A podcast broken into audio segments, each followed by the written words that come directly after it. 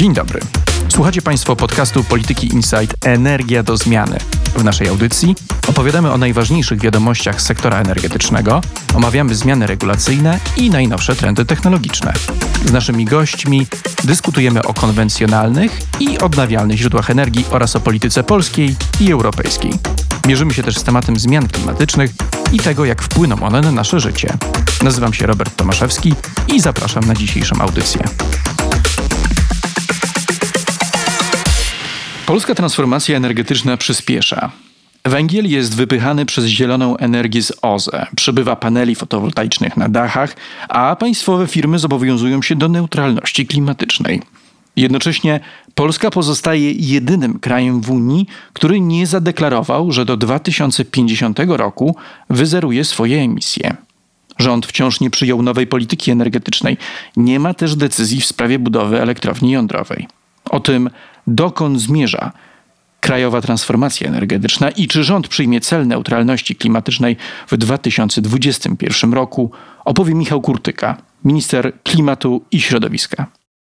W grudniu 2019 roku na szczycie Rady Europejskiej Polska jako jedyny kraj wspólnoty nie przyjęła celu neutralności klimatycznej do 2050 roku. Rada Europejska miała powrócić do tego tematu w czerwcu, ale dyskusję pokrzyżował COVID-19 i światowa pandemia. W grudniu 2020 roku, kilka tygodni temu, za to podpisaliśmy się jako Polska pod podwyższeniem celu redukcji emisji na 2030 rok z 40 do 55%, co de facto wtłacza całą wspólnotę, ale też nas na tą trajektorię dojścia do neutralności klimatycznej w połowie stulecia. Panie ministrze, czy z perspektywy ostatniego roku można powiedzieć, że opłacało nam się jako Polsce wyłączyć z tego celu neutralności klimatycznej. Ja pamiętam naszą rozmowę, tak szybko jeszcze dopytam w tym pierwszym przydługim pytaniu, sprzed ponad roku, kiedy właśnie rozmawialiśmy na gorąco po tym szczycie grudniowym i pan tam podkreślał, że cała wspólnota zaakceptowała tą polską wyjątkowość. No i mamy ten rok minął i czy pana zdaniem ta wyjątkowość nadal nam służy i czy nam się przysłużyła do tego, żeby uzyskać większe wsparcie i pomoc na transformację energetyczną.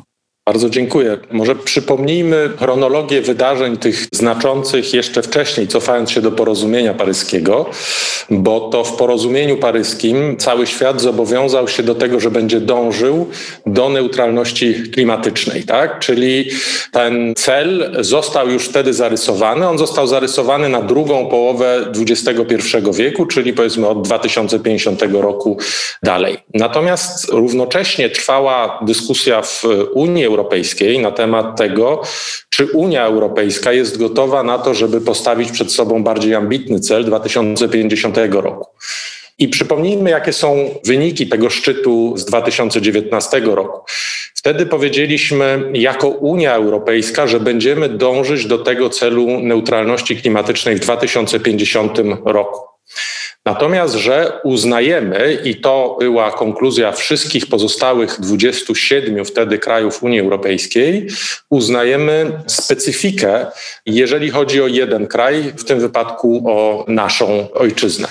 Dlaczego? No, z faktami trudno dyskutować. Jeżeli mówimy, że chcemy wszyscy dobiec do mety, ale jedni mają do przebiegnięcia dystans 10 kilometrów, inni 5, a inni biegną, tak jak w naszym wypadku, maraton, no to trudno jest udawać, że ta rzeczywistość nie istnieje. Więc myślę, że to, co nam przyniosła ta dyskusja, to jest takie urealnienie i, i ustawienie jej na bazie rzeczywistych faktów. A to, że polska gospodarka jest w specyficznej sytuacji, nie ulega żadnej kwestii. I kiedy mówimy o zwłaszcza takiej kapitałochłonnej transformacji, bo my przechodzimy fundamentalnie z modelu surowco i pracochłonnego na model kapitałochłonny. Tak? Jeżeli mamy elektrownię gazową czy węglową, to tam ją trzeba zbudować, są jacyś ludzie, którzy pracują i trzeba na bieżąco dostarczać surowiec. Tak? Natomiast kiedy idziemy w, w kierunku paneli fotowoltaicznych, wiatraków, czy nawet w pewnym stopniu też tej energetyki jądrowej, one się charakteryzują zupełnie inną specyfiką. Bardzo duża inwestycja na początku, stosunkowo niewielkie, prawie znikome w wypadku fotowoltaiki i wiatru koszty operacyjne No i przejście przez tą górkę inwestycyjną to jest kolejna bariera dla takiego kraju jak Polska, która swój proces bogacenia się zaczęła dopiero niedawno na skalę naszych kolegów z Europy Zachodniej. Więc to, że myśmy powiedzieli sobie, tak, idziemy w kierunku neutralności klimatycznej jako kontynent, ale uznajemy specyfiki Polski, moim zdaniem było bardzo konstruktywne dlatego że otworzyło drzwi do dyskusji na temat solidarności, otworzyło drzwi również do dyskusji na temat tego, jak osiągnąć tę neutralność klimatyczną, a już nie tylko spierać się o wysokość e, celów. I mamy szereg, myślę, pozytywnych potwierdzeń tego w zeszłym roku, e, choćby jeżeli chodzi o fundusze na rzecz sprawiedliwej transformacji. Ale bardzo proszę, bo idźmy dalej, żeby to była rozmowa.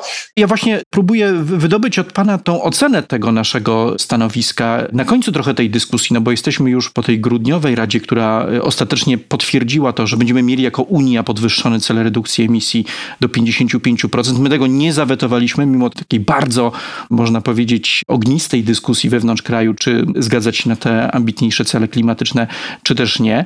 No ale jednocześnie mamy zapewnienie ze strony Komisji Europejskiej ogromnych środków, które będziemy mogli przeznaczyć na transformację, ale z drugiej strony wiemy, że te nasze apetyty były trochę wyższe. No i tak czytając te konkluzje grudniowe ostatniej Rady Europejskiej, no widać, że bardzo jeszcze chcieliśmy trochę tego tortu ugryźć, ale tak naprawdę udało nam się tylko wyszarpać taką obietnicę tego, że w przyszłości jeszcze fundusz modernizacyjny, który ma wspierać gospodarki biedniejsze Unii, które borykają się z transformacją energetyczną i mają większe z tym problemy, będzie zmieniany, będzie nowelizowany w taki sposób, żeby tych środków było trochę więcej, ale znowu żadnych konkretów w tych konkluzjach się nie pojawiło, a my się już na ten praktycznie cel neutralności faktycznie zgodziliśmy, podpisując się pod konkluzjami szczytu. Więc jaka jest taka Pana ocena tych naszych starań w tym zakresie? To do końca nie jest tak, jak pan redaktor przedstawia, dlatego że proszę wczytać się w te konkluzje grudniowe z 2020 roku, czyli sprzed kilku tygodni, jeżeli chodzi o reformę systemu ETS. Co do tego, że ona będzie miała miejsce, zgodziliśmy się. Co więcej, zgodziliśmy się dla bardzo kluczowego warunku brzegowego z punktu widzenia Polski, to znaczy, jeżeli chodzi o zbalansowanie korzyści i kosztów z tego systemu. To jest dalej idąca konkluzja niż ta, którą pan e, sformułował, jeżeli chodzi o sam tylko fundusz modernizacyjny. I bardzo ważna z perspektywy Polski, to znaczy kraju, w którym chcielibyśmy, żeby te środki, które będą generowane z tytułu dochodzenia do neutralności klimatycznej, mogły być przez polską gospodarkę wykorzystane na rzecz tych inwestycji kapitałowych.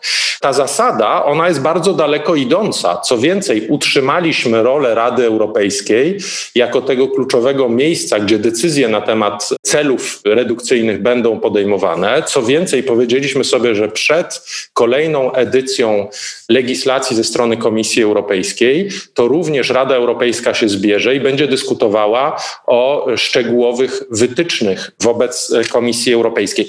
Więc tam jest bardzo dużo elementów, które wpisują się w tą filozofię, którą my przedstawiliśmy naszym partnerom.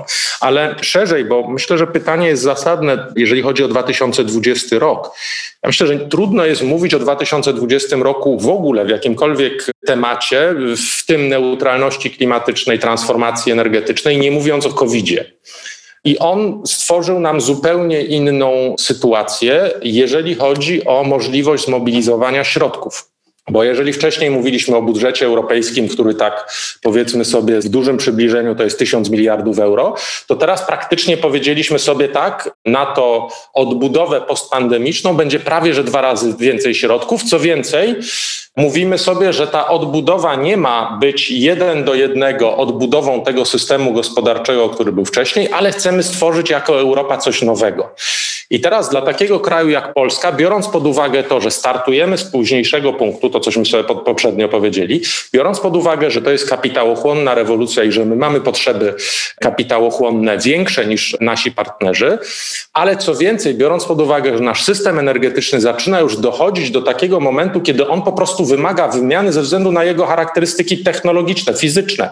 To nie jest związane z tym, czy jest taka czy inna polityka klimatyczna sformułowana w Brukseli, Brukseli czy gdziekolwiek indziej, tylko po prostu tych 70% bloków energetycznych w Polsce ma kilkadziesiąt już lat i one po prostu wymagają zmiany. I w tym kontekście osadzenie tej transformacji energetycznej i klimatycznej polskiej jest dla nas korzystne, dlatego że my nagle dostajemy dzięki, jak mówię, tym środkom na odbudowę, dodatkową szansę na to, żeby przekierować większe środki na polską transformację energetyczną i klimatyczną. A propos tych środków, no to właśnie, bo połowa z nich, na przykład jeżeli chodzi o Fundusz Sprawiedliwej Transformacji, będzie dla nas dostępna dopiero wtedy, kiedy oficjalnie podpiszemy się pod celem neutralności klimatycznej.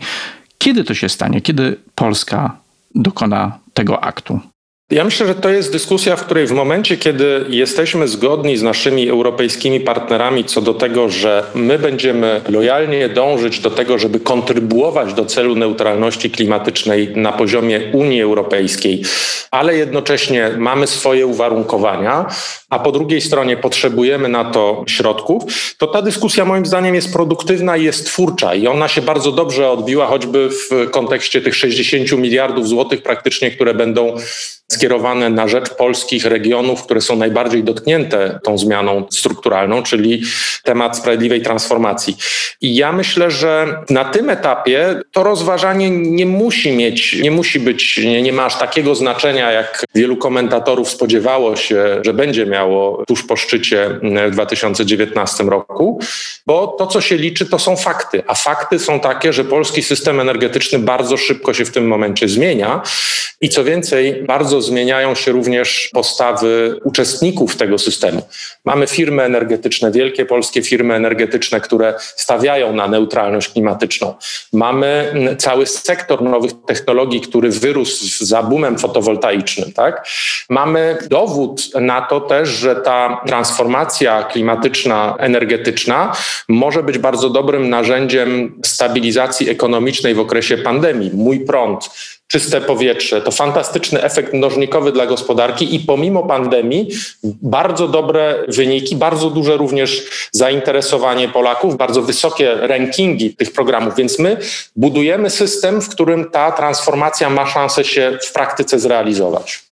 Tu się z panem ministrem chyba trochę nie zgodzę, bo mimo wszystko ten symboliczny akt, jakim będzie albo byłoby ostateczne zaakceptowanie przez Polskę celu neutralności klimatycznej, ma jednak ogromne znaczenie i przełożenie na, na tą ilość środków. Bez tego po prostu nie dostaniemy połowy pieniędzy z Funduszu Sprawiedliwej Transformacji, a mamy być krajem, który ma być największym beneficjentem tego funduszu, więc ten kształt rozporządzenia powołujące FST w tym wariancie, w jaki jest obecnie, przewiduje, że mamy do końca 2021 roku czas, by się zadeklarować w tej sprawie. Sądzi pan, że się jednak zadeklarujemy, czy to jest jeszcze nieprzesądzone? To, co my mówimy, to jest to, że clue nie tkwi tyle w celach, które można sobie postawić na za 20, 30 czy 40 lat, ale w wykonalności. Więc ja bym, jeżeli chodzi o Fundusz Sprawiedliwej Transformacji, przede wszystkim chciał, żeby jak najszybciej pojawiły się dobre, wiarygodne plany tej sprawiedliwej transformacji regionalnej, które pokażą, że potrafimy zaabsorbować 60 miliardów złotych. To się wydaje być takim rozwiązaniem, o, że bardzo dobrze, że mamy tyle pieniędzy. Natomiast pokażmy e, projekty konkretne w regionach, które wpisują się w całościową transformację Polski i które jednocześnie odpowiadają specyfice regionalnej, które są w stanie takie kwoty przyjąć. Więc to mi się wydaje być pierwszym wyzwaniem. Zobaczymy i w miarę jak będziemy się zmieniać, znaczy ubiegły rok pokazuje, że ta zmiana jest nieprawdopodobnie szybka, tak? Wspólnie śledzimy na y, różnych forach ten wzrost fotowoltaiki, tak? To jest pierwsze 1000 megawatów y, fotowoltaiki to było 8 lat w Polsce, ostatnie 1000 megawatów to było 8 miesięcy, a 2020 rok to jest 357 tysięcy prosumentów w stosunku do 4000 prosumentów w ostatnim kwartale 2015 roku. Te zmiany w tym momencie mają taki kształt, jak to y, mówią specjaliści, kija y, do hokeja. To znaczy, jak już przechodzimy przez pewien moment zwrotny, przez punkt zwrotny, no to one idą bardzo, bardzo szybko do przodu. I myślę, że teraz zarówno technologicznie, pod względem świadomości naszych uczestników rynku, samorządów, jesteśmy w takim momencie właśnie. Kończąc ten wątek już e, dotyczący neutralności klimatycznej, to proszę pana ministra o krótką odpowiedź, tak lub nie, czy w tym roku Polska przyjmie cel neutralności klimatycznej? Zobaczymy. Natomiast, jak mówię, diabeł tkwi w wykonalności, natomiast fakt, że jako Unia przyjęliśmy cel neutralności klimatycznej, a teraz cały świat również w tą stronę dążył, bo ostatnie tygodnie 2020 roku to Japonia, Korea, które dołączają do neutralności klimatycznej na 2050 rok, Joe Biden, który mówi, że pierwszego dnia swojej prezydentury przyłączy się do porozumienia paryskiego i te cele, które sobie stawia są niesłychanie ambitne, bo 2035 rok dekarbonizacja systemu elektroenergetycznego. To wszystko pokazuje, że ta dyskusja przyspieszy w tym roku jeszcze bardziej.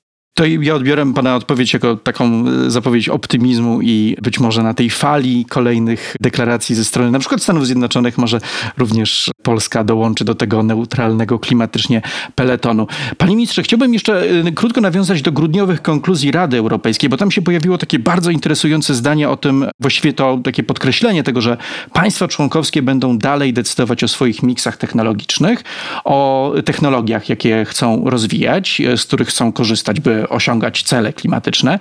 I to są takie zapisy, za którymi bardzo mocno lobbowały Czechy, ale też oczywiście Polska. Ale z drugiej strony na początku grudnia zeszłego roku przedstawiciele Rady Unii i Parlamentu Europejskiego dogadali się w kształcie już wspomnianego przez nas Funduszu Sprawiedliwej Transformacji. No i tam tych inwestycji gazowych nie będzie. Ten fundusz nie będzie mógł wspierać tych inwestycji. Również w grudniu Komisja Europejska uzgodniła zmiany w unijnym rozporządzeniu dotyczącym transgranicznej infrastruktury energetycznej, które to zmiany wyłączają możliwość wspierania tych gazowych projektów. I chciałbym trochę zapytać Pana o tą gazową przyszłość. My często w tych dyskusjach wracamy do tego pytania, ale wydaje mi się, że ono jest cały czas zasadne. Przede wszystkim w związku z tym, że nasza transformacja ma polegać w tym okresie przejściowym na gazie, ale czy Pana zdaniem w Unii nie zaczęliśmy się bardzo mocno rozjeżdżać? Ten poziom deklaratywny i, i symboliczny cały czas mówi nam, że gaz jest ok i mamy zapewnienia ze strony komisarza Timmermansa i tak dalej, ale z drugiej strony jakby ta twarda regulacja pokazuje nam, że ten nieuchronnie zmierza do końca, mamy go coraz mniej. No, patrząc na to, co się dzieje z cenami CO2, które dobijają do 35 euro za tonę, można powiedzieć, że już nawet nie musimy czekać na te regulacje, bo tak naprawdę warunki rynkowe, w jakich funkcjonujemy, systemu EU ETS dokończą za Unię, jeżeli chodzi o tę sferę regulacyjną, roboty, jeżeli chodzi o dekarbonizację. Jak będzie dalej z gazem, panie ministrze? Gaz będzie miał rosnącą rolę w naszej energetyce i to co najmniej z dwóch powodów.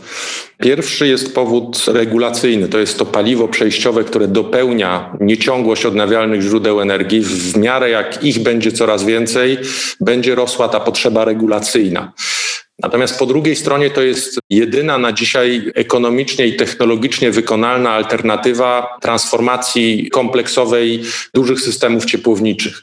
I myślę, że ta argumentacja do naszych partnerów również dotarła. To, co Pan wspomniał, to jest szereg naszych rozmów z komisarz Simpson, z komisarzem Timmermansem i po ich stronie na samym końcu przyznanie, tak, rzeczywiście tak jest. Ten gaz będzie pełnił znowu w tych krajach transformujących się istotną rolę. To znalazło odzwierciedlenie w zapisach Rady Europejskiej. Jest zapis o uznaniu przejściowej roli gazu i jest również uznanie tej roli gazu w zakresie funduszy strukturalnych.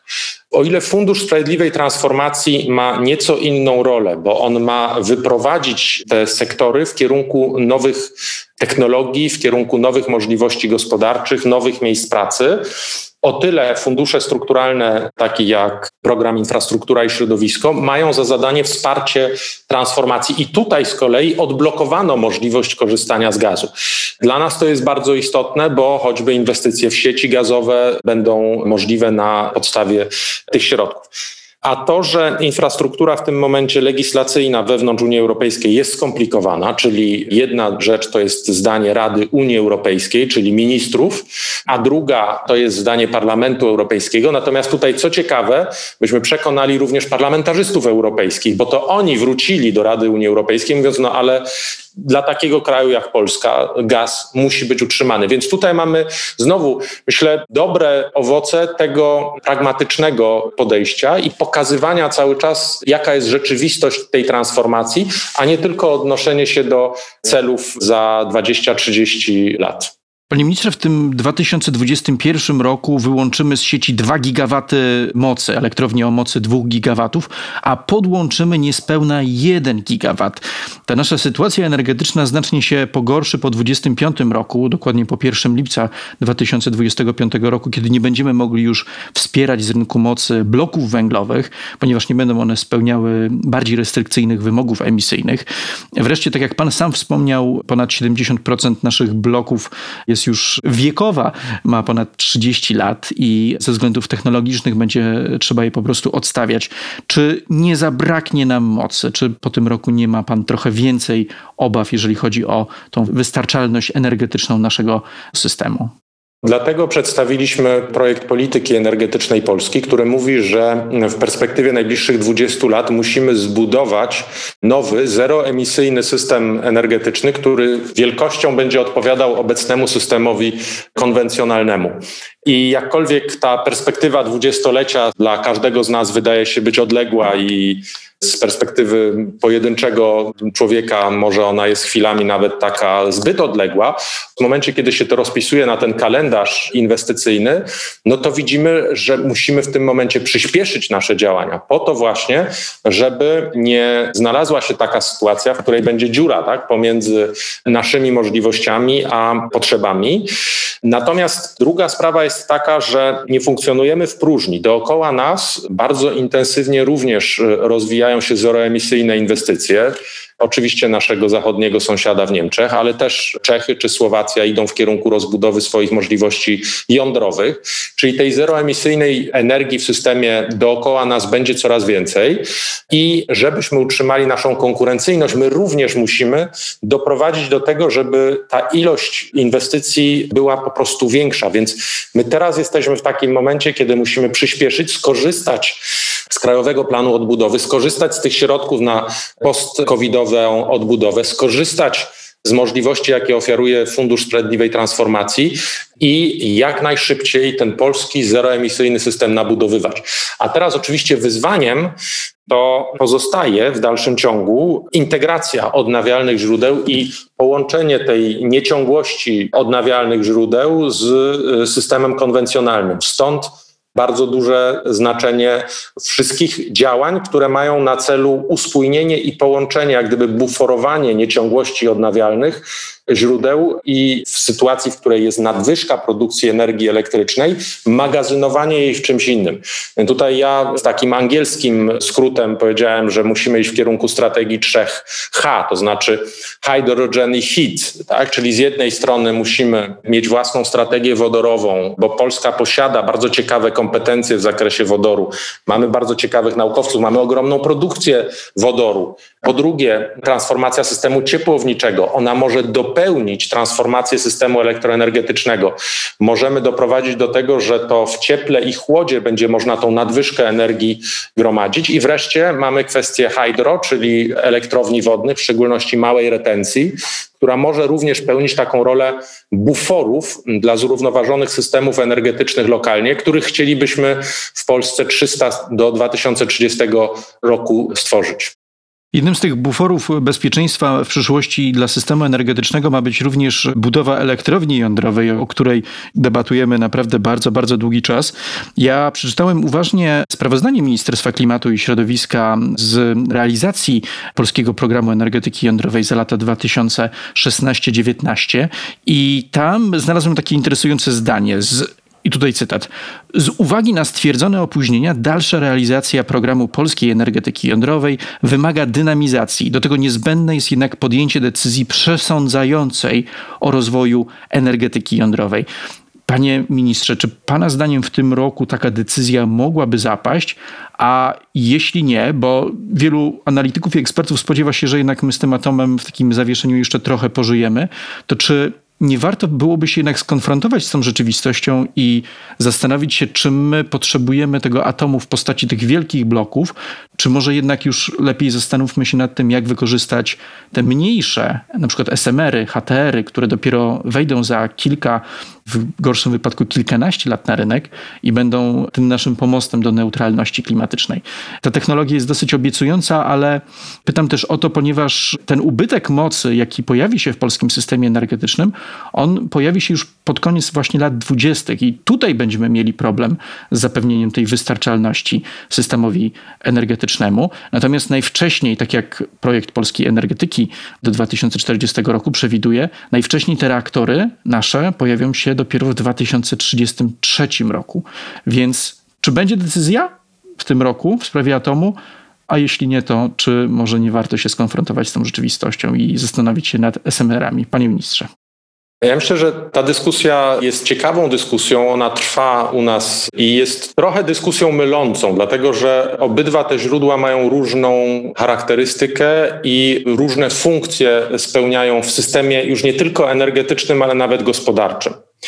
Jeżeli tak dla laika mówimy, mały czy duży blok jest lepszy, no to tak dzisiaj wszystkim się wydaje, że może lepsze jest małe, bo takie małe jest piękne i tak dalej. Tak? Natomiast jeżeli byśmy zadali pytanie, czy lepszy jest rower, czy lepszy jest pociąg, no to już większość z nas powie, no ale momencik jedno służy do jednego, a drugie służy do drugiego. W związku z tym zadanie takiego pytania nie ma sensu. Tak? Nie pojadę z dziećmi na spacer pociągiem, ale nie dojadę nad morze z Warszawy rowerem. I trochę taka sama dyskusja jest na temat dużych i małych bloków jądrowych i ich roli potencjalnej w systemie, jak również poziomu dojrzałości. Bo jeżeli chodzi o naszą zeroemisyjną transformację w ciągu najbliższych 20 lat, ja wcześniej już to powiedziałem, to jest stosunkowo krótki okres, kiedy wiemy, jak procesy inwestycyjne, ile czasu wymagają. Tak? Budowa elektrowni węglowej 6, 7, 8 lat, budowa elektrowni gazowej nominalnie krócej, ale coraz większe wyzwania my widzimy z naszej perspektywy, na przykład z doprowadzeniem gazu i z doprowadzeniem nowych gazociągów do takich elektrowni gazowych niż samym postawieniem elektrowni gazowej. Więc w tym kontekście 2033 rok to jest harmonogram, który jest ambitny, ale który jest wykonalny i który jest dzięki temu elementem naszej transformacji klimatycznej, która w ciągu najbliższych 20 lat musi się odbyć i sposobem na zapewnienie, że będziemy mieć ciągłość tego baseloadu, czyli energii w podstawie. I tutaj musimy iść w kierunku sprawdzonej technologii. Nie jesteśmy w takiej sytuacji, że bylibyśmy w stanie sami pójść w kierunku nowej technologii. Myślę, że to by nie miało sensu. Natomiast jeżeli chodzi o małe bloki jądrowe, one mają, tak jak wspomniałem, inną funkcję i energetycznie, i gospodarczo. Energetycznie, dlatego że kiedy mówimy na przykład o HTR-ach, czyli blokach, co do których pracujemy nad e, współpracą z Japonią, to są bloki, które produkują jednocześnie ciepło, parę w temperaturze 550 stopni i energię elektryczną. I teraz jest miejsce w naszym systemie, choćby przemysł chemiczny, w którym jest bardzo duże zapotrzebowanie na ciepło przemysłowe. I to jest idealne narzędzie do tego, żeby odpowiedzieć na tą potrzebę z kolei wymiany bloków energetycznych w naszym systemie przemysłowym. Natomiast te bloki są znacznie mniejsze pod względem skali, jeżeli chodzi o produkcję energii elektrycznej. I na jeden blok jądrowy duży potrzeba kilkunastu małych bloków produkujących energię elektryczną i zmultiplikowania o tyleż wyzwań związanych z lokalizacją, z konsultacjami, z decyzjami środowiskowymi i tak. Więc to jest pierwsza uwaga. Natomiast druga uwaga jest trochę taka, że my mówimy o blokach, które jeszcze nie istnieją. To znaczy, jest to rzeczywistość, która została stworzona w naszej przestrzeni medialnej, natomiast ona dopiero teraz wchodzi do użytku, jeżeli chodzi na przykład o HTR-y. Pierwszy HTR funkcjonuje w Japonii, zostanie ponownie po Fukushimie włączony w 2021 roku. Chiny postawiły na ten blok e, i one najprawdopodobniej zaczną również w 2021 roku funkcjonować. Natomiast kiedy mówimy o innych SMR-ach, to mówimy już o roku 2030, kiedy pierwsze takie bloki miałyby zacząć funkcjonować. No zanim one zaczną funkcjonować i zanim będziemy pewni, że te pierwsi, ci pierwsi pionierzy będą replikowalni do poziomu przemysłowego w innych krajach, no to minie kolejnych parę lat. I teraz ta dwudziestolatka, którą my mamy przed nami na transformację naszego zeroemisyjnego systemu, wymaga postawienia na takie źródła, które dają ciągłość dla przemysłu, które zastępują nasz konwencjonalny system już teraz, czyli musimy te decyzje podjąć już teraz i nie możemy oprzeć się na hipotezach co do tego, że być może za 10 lat będą inne technologie. Okej, okay, czyli potrzebujemy rowerów i pociągów, bo po prostu te środki transportu akurat mogą się wzajemnie uzupełniać, ale czy w tym roku, Pana zdaniem, będzie decyzja w sprawie atomu? Tak czy nie? Musi być. I ta decyzja jest coraz bardziej paląca, biorąc pod uwagę fakt tego, co Pan wspomniał również wcześniej. To znaczy, że ta transformacja naszego systemu konwencjonalnego no, zwalniać nie będzie, ona raczej będzie przyspieszać. To jeszcze jedno rytualne tylko pytanie panu zadam. Kiedy możemy spodziewać się zaakceptowania przez rząd ostatecznej wersji polityki energetycznej Polski? Do 2040 roku oczywiście. Mam nadzieję, że jak najszybciej. Ta dyskusja jest w tym momencie również częścią tej szerszej dyskusji społecznej. Natomiast, no, jak mówię, podjęcie przesądzeń, które mają miejsce w tej polityce energetycznej, jest dla nas palące, biorąc pod uwagę, jak szybko się zmienia świat wokół nas i jak ważne jest wykorzystanie dobre tych środków, które w tym momencie w funduszach post-covidowych są dla nas do dyspozycji. No i fakt, że jeżeli nie złapiemy szybko tych szans, które są przed nami, to będziemy mieli coraz większe wyzwanie z zapewnieniem i bilansu polskiego prądu i też możliwości technologicznych, jakie rysują się z otwarciem nowych sektorów. A kiedy można byłoby się spodziewać tej decyzji? Czy to byłaby pierwsza połowa tego roku, czy raczej jesteśmy pesymistorealistami i będziemy musieli poczekać jeszcze do drugiej połowy i jak pan redaktor pamięta, ta dyskusja została jeszcze w pewnym sensie odłożona w czasie ze względu na prowadzony dialog na Śląsku. Ja zakładam, że te decyzje się rozstrzygną w związku z tym pomiędzy naszymi kolegami z Ministerstwa Aktywów i związkowcami szybko, w ciągu kwartału, czyli zakładam, że ta pierwsza połowa roku to jest najpóźniejszy termin, który powinniśmy spodziewać się przyjęcia polityki energetycznej Polski. Panie ministrze, zapowiedział pan rozszerzenie programu Mój Prąd i kontynuację jego. On jest takim motorem, który rozruszał ten nasz fotowoltaiczny silnik w Polsce. Mamy już blisko 4 gigawaty mocy w panelach PV zainstalowanych na dachach gospodarstw jednorodzinnych przede wszystkim i też e, coraz większą tą armię prosumentów, która już dobija do liczby 300 tysięcy. Jaki pułap z tym rozwojem fotowoltaiki chcielibyście osiągnąć? Bo jakby ten dynamiczny wzrost, on w pewnym momencie po prostu będzie będzie musiał z przyczyn naturalnych zacząć wyhamowywać, no ale jednocześnie ta fotowoltaika jest w tym momencie tym najważniejszym silnikiem polskiej transformacji, który sprawia, że tego zielonego prądu po prostu w sieci jest coraz więcej i żal byłoby go po prostu schładzać, no bo też niespecjalnie mamy jeszcze czym go zastąpić, szczególnie, że reguła 10H, która ogranicza możliwość budowy wiatraków na morzu, cały czas obowiązuje, a morska energetyka wiatrowa to jest jednak perspektywa drugiej połowy obecnej dekady. Rzeczywiście pierwszym wyzwaniem, które mamy, jeżeli chodzi o fotowoltaikę, to są sieci. Ja bardzo mocno apeluję do firm dystrybucyjnych o to, żeby one pomimo pandemii utrzymały, a nawet podniosły inwestycje w sieć. Tym bardziej, że to są inwestycje, które są z ich perspektywy bardzo rentowne, bo są definiowane regulacyjnie. Zwrot jest definiowany regulacyjnie, czyli każda dodatkowa złotówka daje pewność uzyskania zwrotu.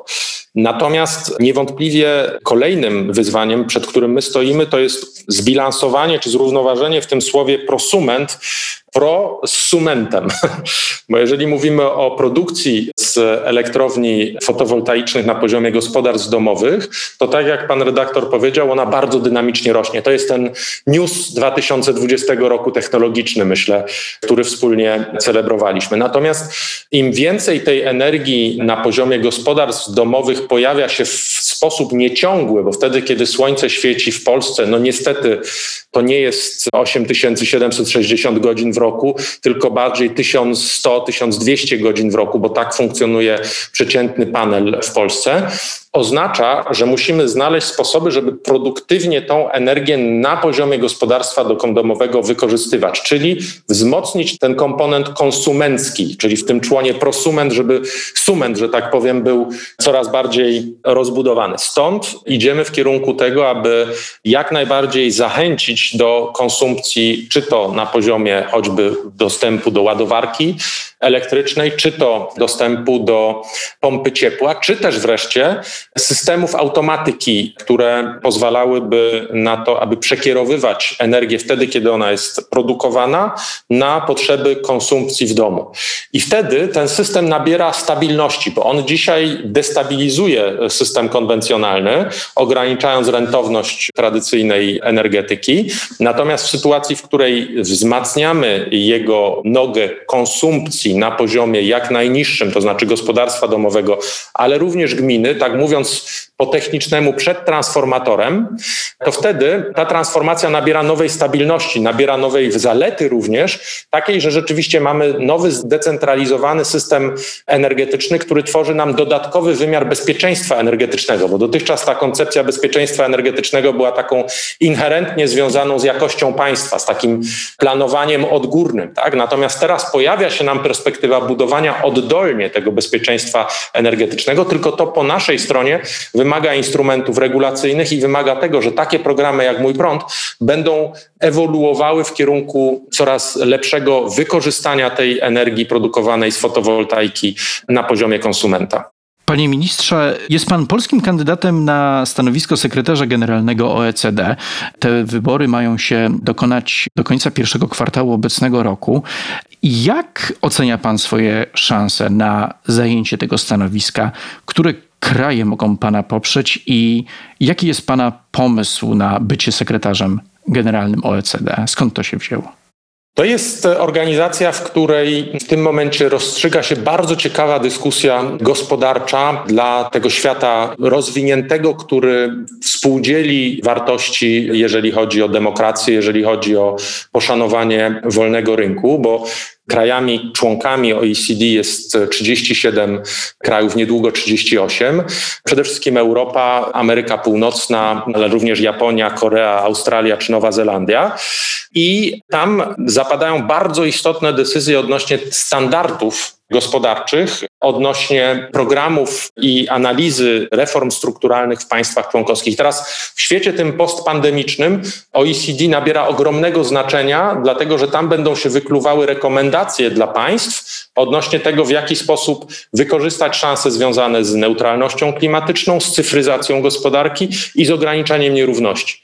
I to jest również projekt nowego wzrostu, który przedstawiłem dla pozostałych państw członkowskich, mówiąc, jeżeli chcemy skorzystać z tej postpandemicznej manny, z tego fiskalnego impulsu, jakim jest 12% światowego GDP, bo GDP, bo mniej więcej 11,7 tysięcy miliardów dolarów, które zostało zadeklarowane przez kluczowe gospodarki na rzecz odbudowy postpandemicznej to są gigantyczne kwoty, które powinny być wykorzystane w sposób produktywny, to znaczy tworząc nowe sektory gospodarki i tworząc nowe miejsca pracy. W przeciwnym razie obarczymy świat dodatkową trudnością w postaci spłaty tego ogromnego zadłużenia przez następne pokolenia. Więc OECD jest dla nas bardzo ważne, bardzo ważne w tym kontekście pandemicznym i to jest ogromny zaszczyt oczywiście, że mogłem znaleźć się w gronie 10 kandydatów, bo aż tyle państw członkowskich, przypomnijmy, że tutaj to państwo zgłasza kandydata, więc na 37 państw członkowskich aż 10 zdecydowało się